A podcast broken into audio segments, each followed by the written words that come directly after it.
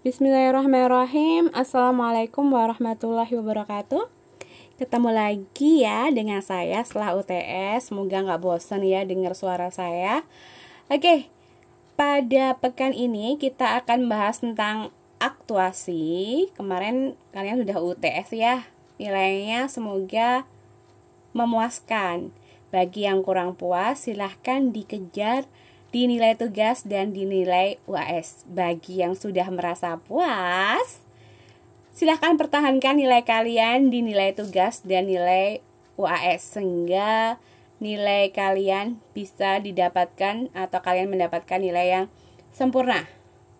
Oke, kita akan masuk ke pembahasan materi tentang aktuasi di mana pada bab ini kita akan mempelajari beberapa hal yakni ada pengertian aktuasi, langkah-langkah aktuasi, syarat-syarat aktuasi, perilaku manusia jenjang kebutuhan manusia, motivasi, hubungan antar manusia dan komunikasi. Oke, uh, kita masuk ke definisi atau pengertian dari aktuasi. Aktuasi ini adalah istilah atau kata lain dari kata bimbingan atau direction merupakan fungsi manajemen yang tidak dapat dilepaskan dari beberapa fungsi manajemen lainnya serta saling berhubungan erat. Kemarin kita belajar di fungsi manajemen itu yang paling penting itu ada dua hal yakni perencanaan dan pengorganisasian gitu kan. Kenapa keduanya ini sangat penting dalam suatu manajemen karena keduanya ini menggerakkan uh, atau menjadikan manajemen itu tahu arahnya itu ke mana terus pembagian kerjanya itu seperti apa dilakukan oleh siapa tapi tanpa adanya aktuasi ini, kegiatan manajemen itu tidak akan pernah terwujud. Atau dengan kata lain, aktuasi ini sebagai gerak pelaksanaan merupakan fungsi dan tindak lanjut yang sangat penting dalam proses manajemen. Jadinya, dua fungsi perencanaan dan pengorganisasian ini yang sudah kita pelajari sebelum UTS kemarin itu tidak dapat berjalan dengan baik, tidak dapat berhasil kalau tidak ada aktuasi ini.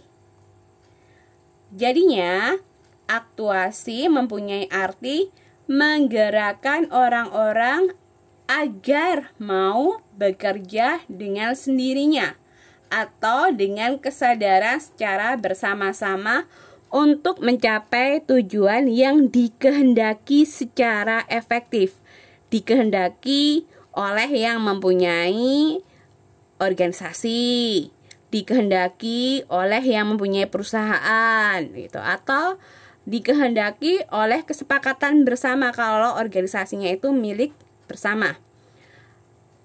Oke, yang pertama, aktuasi dan tantangannya. Pada dasarnya, ruang lingkup pelaksanaan fungsi aktuasi berpusat pada pengelolaan sumber daya manusia.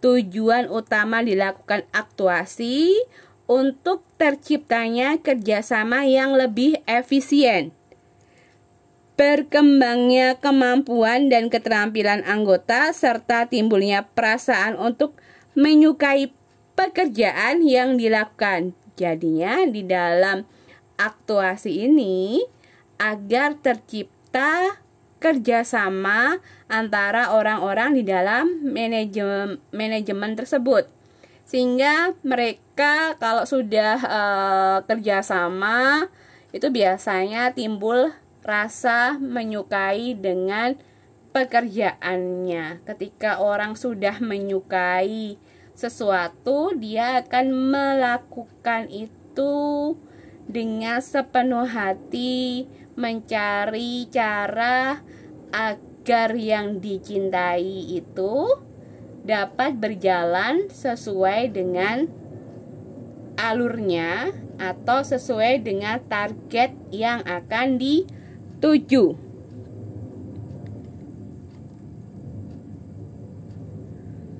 Kegiatan aktuasi ini tergantung atau ditentukan oleh kemampuan para manajer, di mana para manajer harus menunjukkan dalam tingkah laku maupun melalui keputusan-keputusan yang ditetapkan bahwa mereka memberi perhatian yang besar terhadap anggotanya. Selain perhatian kepada anggotanya tadi, manajer juga dituntut mampu menumbuhkan kepercayaan dan keyakinan para anggota, menciptakan serta memelihara suasana serta lingkungan kerja yang memuaskan dan menyadarkan para anggota mengenai pentingnya peran mereka masing-masing dalam usaha mencapai tujuan. Jadinya seorang manajer itu harus bisa menumbuhkan kepercayaan kepada bawahannya atau kepada para anggotanya bahwa anggotanya ini sangat berperan sekali dalam suatu organisasi atau suatu perusahaan tanpa e, mereka tanpa anggota ini tadi perusahaan serasa misalnya kurang lengkap pincang atau apa tanpa adanya anggota. Sehingga anggota ini mempunyai pemikiran bahwa dia harus berkontribusi kepada perusahaan atau organisasi agar tujuannya dari organisasi atau perusahaan itu dapat terwujud. Oke, yang kedua, aktuasi dan pendekatan sumber daya manusia. Sumber daya manusia merupakan modal dasar suatu perusahaan karena melalui manusia-manusia inilah sumber daya lainnya dapat dikelola dan dikembangkan. Akibatnya, keberhasilan pelaksanaan fungsi aktuasi dalam suatu perusahaan atau organisasi akan diukur dari berkembangnya atau tidaknya sumber daya manusia yang berada dalam perusahaan tersebut. Karena di dalam suatu organisasi atau perusahaan yang menggerakkan itu tadi kan manusianya. Sumber daya manusianya itu seperti apa? Makanya uh, ada beberapa hal misalkan pelatihan atau uh, peningkatan kualitas untuk sumber daya manusianya agar kemampuan yang mengelola perusahaan atau organisasi tadi itu terus berkembang. Misalkan di suatu perusahaan itu misalkan ada dana untuk mengkursuskan anggotanya atau menyekolahkan anggotanya atau karyawannya agar anggota kita atau karyawannya tadi ilmunya itu terus update sehingga ketika uh, kemajuan zaman itu berkembang perusahaan atau organisasi tadi juga bisa mengikuti perkembangan zaman. Yang ketiga, aktuasi dan ilmu perilaku. Bagaimanakah cara mengembangkan sumber daya manusia dalam suatu perusahaan atau organisasi? Atau lebih tepatnya, bagaimanakah cara melaksanakan fungsi aktuasi yang berhasil di suatu perusahaan atau organisasi? Ayo, seperti apa? Ayo, siapa yang menjawab? Untuk bisa menjawab pertanyaan ini, Hal yang pertama yang perlu diingat adalah pada prinsipnya pelaksanaan fungsi aktuasi didasarkan pada hubungan antar manusia.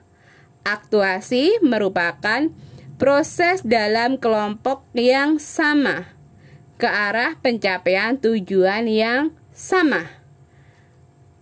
Sehingga melaksanakan fungsi aktuasi dengan baik sangat dibutuhkan pengetahuan serta pemahaman mengenai tingkah laku manusia. Karena tanpa mengerti ilmu perilaku, sulit untuk dapat mengarahkan orang-orang ke dalam suatu tujuan yang sama. Perlu pula diperhatikan yakni proses pelaksanaan fungsi aktuasi. Sebagai suatu proses aktuasi dimulai dari diri sendiri. Dalam diri seseorang, manajer selayaknya tertanam tekad untuk mencapai kemajuan dan kemampuan untuk bekerja sama secara harmonis dengan orang-orang lain. Tanpa adanya tekad atau kemampuan ini tadi, sulit untuk terjadinya aktuasi terhadap orang-orang lain. Hal lain yang perlu diperhatikan yakni objektivitas. Di mana fungsi aktuasi itu bisa terlaksana dengan baik oleh manajer bila manajer itu mempunyai sikap objektif manajer selayaknya mengevaluasi tindakan, kegiatan, ataupun reaksi anggota perusahaannya berdasarkan dari hasil pengamatan. Jadinya seorang manajer itu juga perlu mengamati apa yang dilakukan oleh anggota atau karyawannya. Jadinya seorang manajer tidak dapat menyamarkan atau uh, maaf menyamaratakan karakter satu individu dengan individu yang lainnya karena bukan robot karena manusia. Jadi harus mengerti karakter individu satu dengan individu yang lainnya. Ya jadinya dituntut untuk mengenal serta mengerti satu persatu karakter dari individu atau karyawannya. Proporsi yang ada dalam teori perilaku pada prinsipnya didasarkan pada generalisasi mengenai sifat-sifat manusia. Walaupun diakui bahwa manusia pada hakikatnya itu mempunyai sifat yang berbeda, tapi uh, dapat digolongkan menjadi beberapa persamaan yang secara umum. Contohnya persamaan-persamaan itu adalah tingkah laku manusia dapat dimengerti terutama dengan memperhatikan faktor-faktor kebiasaan dan emosi. Yang kedua, perasaan bahwa seseorang merupakan tokoh penting serta Keterikatannya dengan suatu kelompok yang diakui merupakan pendorong yang ampuh untuk banyak orang. Yang ketiga, apabila dirasa perlu, orang-orang akan mengharuskan penghargaan atau selesainya pekerjaan mereka. Selanjutnya, yang keempat, para pekerja akan mempergunakan kemampuan terbaik mereka pada dasarnya merupakan pendorong untuk menyelesaikan pekerjaan yang ditugaskan. Yang kelima, para pekerja umumnya terdorong untuk melaksanakan hal-hal yang dapat membuat mereka bangga ketika mereka bisa menyelesaikan tugas dengan baik. Selanjutnya, yang keenam, para pekerja lebih memilih dan mengikuti atasan yang mereka hormati dan percayai. Jadinya ketika kalian jadi manajer, kalian harus bisa dipercaya oleh karyawan atau anggota kalian. Ketika kalian bisa dipercaya, kalian akan dihormati sehingga apa yang kalian perintahkan mereka ikuti. Selanjutnya, para pekerja umumnya tidak suka dikritik ataupun ditegur di depan umum. Mereka tidak ingin kehilangan muka. Jadinya ketika teman-teman jadi seorang manajer, ketika ada karyawan yang salah, jangan langsung ditegur di depan karyawan yang lain. Panggil dia dan ajak berbicara empat mata dengan dia. Oke, materi ini kita akan pelajari lebih dalam nanti di psikologi komunikasi atau di komunikasi antar pribadi. Selanjutnya, perubahan ataupun gagasan-gagasan baru biasanya akan lebih mudah diterima apabila orang-orang telah disiapkan sebelumnya. Perubahan yang dilakukan secara mendadak sebaiknya dihindari. Jadinya ketika kita sudah membuat plan A, plan B, plan C itu kan sudah ada gagasan-gagasan uh, serta cara pelaksanaan gagasan di plan-plan tadi ya. Ketika ada perubahan, nah, itu perlu dilihat sesuai dengan uh, ketika harus ganti ke plan B bisa atau tidak. Kalau perubahan secara mendadak itu tidak masuk ke plan B atau plan C misalkan, ya jangan di lakukan kalau perlu dihindari karena merubah akan merubah konsep semuanya karena ketika kita membuat perencanaan kita itu sudah bisa mengukur apa yang akan kita dapatkan ketika kita memilih langkah yang pertama misalkan ketika kita memilih langkah kedua hasilnya seperti apa kita sudah bisa memprediksikan. Jadinya ketika ada perubahan mendadak sebaiknya itu dihindari. Selanjutnya, bila pekerjaan melakukan bila pekerja melakukan suatu kesalahan dalam tugasnya, mereka mengharapkan untuk ditegur sekaligus diberitahu cara-cara untuk melakukan secara benar. Ini yang sering uh, lupa dilakukan oleh manajer atau seorang pimpinan ketika ada salah tidak diberitahu cara melakukan yang benar itu seperti apa. Ketika tidak diberitahu cara melakukan yang benar seperti apa, apa yang akan terjadi? Hal yang sama akan terulang tidak efisien. Ketika karyawan atau bawahan harus menemukan cara yang benar itu seperti apa. Kalau salah ya udah diberitahu salahnya apa, caranya yang benar itu seperti apa. Itu lebih efisien. Selanjutnya, kebanyakan pekerja mengharapkan adanya tindakan yang tepat serta tegas apabila terjadi pelanggaran atau penyimpangan serta mereka tidak menyukai atasan yang kurang tegas.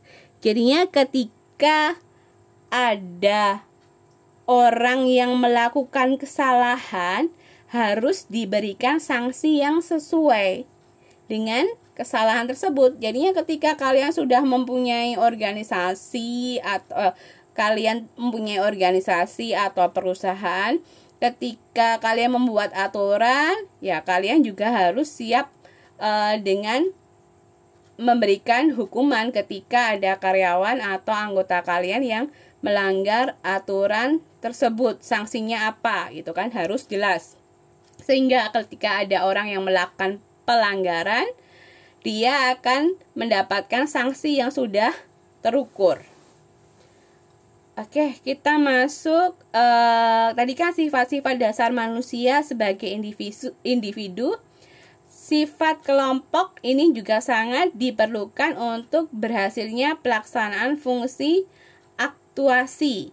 Sifat-sifat itu adalah Pertama ada tujuan, terus tingkah laku, terus keterlibatan, keterikatan, terus perbedaan pendapat, penentang atau pembangkang, terus yang terakhir itu pengaruh. Oke, kita bahas yang pertama dulu, tujuan. Tujuan yang mendasari pembentukan kelompok akan mempengaruhi tindakan-tindakan dari kelompok yang bersangkutan. Jadinya, uh, teman atau apa namanya kolega kalian itu adalah cermin nyata yang kalian akan ikuti di suatu organisasi atau suatu perusahaan.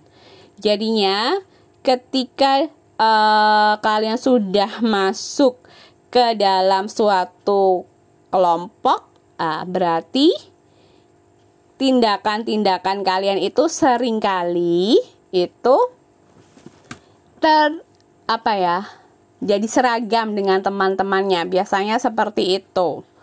Sehingga ketika kalian jadi seorang manajer harus benar-benar memilih orang-orang yang tepat untuk uh, menjadi bawahan kalian.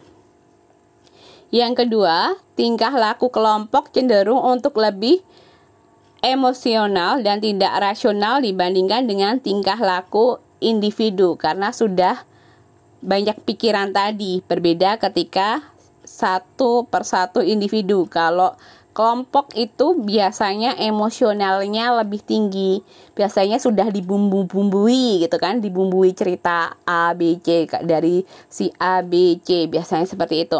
Yang ketiga beberapa kelompok mempunyai keterlibatan yang rendah. Anggota-anggotanya keluar masuk silih berganti ada pula beberapa kelompok yang mempunyai keterkaitan yang sangat erat serta mendapatkan dukungan dan berkesinambungan dari anggota-anggotanya. Jadinya kelompok itu mempunyai kekuatan atau ikatan yang kadang rendah, kadang pula juga sangat erat. Biasanya kalau uh, keluar masuk itu biasanya ikatannya itu uh, apa tidak kuat karena kurang berkomunikasi. Terus kalau ada orang yang masuk lagi itu perlu penyesuaian lagi. Selanjutnya yang keempat kelompok yang mempunyai keterkaitan kuat lebih memaksakan adanya pandangan yang tidak digariskan oleh kelompok dibandingkan dengan kelompok-kelompok yang keterkaitannya kurang kuat. Ini mendukung yang tadi ya. Selanjutnya, bila terjadi perbedaan pendapat dalam suatu kelompok, hanya akan ada sedikit orang yang bersikeras untuk mempertahankan pada pihak yang setuju dan tidak setuju. Oke, selanjutnya penentang atau pembangkang dalam kelompok yang mempunyai keterkaitan kuat akhirnya akan dikucilkan demi kelompok tersebut. Sebaliknya, apabila usaha mengubahnya agar tidak membangkang ini mengalami kegagalan, maka akhirnya penentang akan dikeluarkan. Jadi di suatu uh, kelompok itu ketika ada yang berbeda pandangan biasanya dikucilkan itu demi kelompok kebaikan kelompok tersebut. Kalau kelompok tersebut itu susah untuk merubah orang yang pembangkang tadi biasanya akan dikeluarkan. Secara umum, anggota-anggota kelompok berusaha untuk mempengaruhi anggota-anggota lain. Di mana orang yang paling mudah menerima pandangan dari orang lain. Jadinya eh, pengaruh dari anggota kelompok itu sangat penting. Oke, selanjutnya nanti di podcast kedua ya, biar nggak terlalu panjang. Oke, lanjut ke podcast kedua.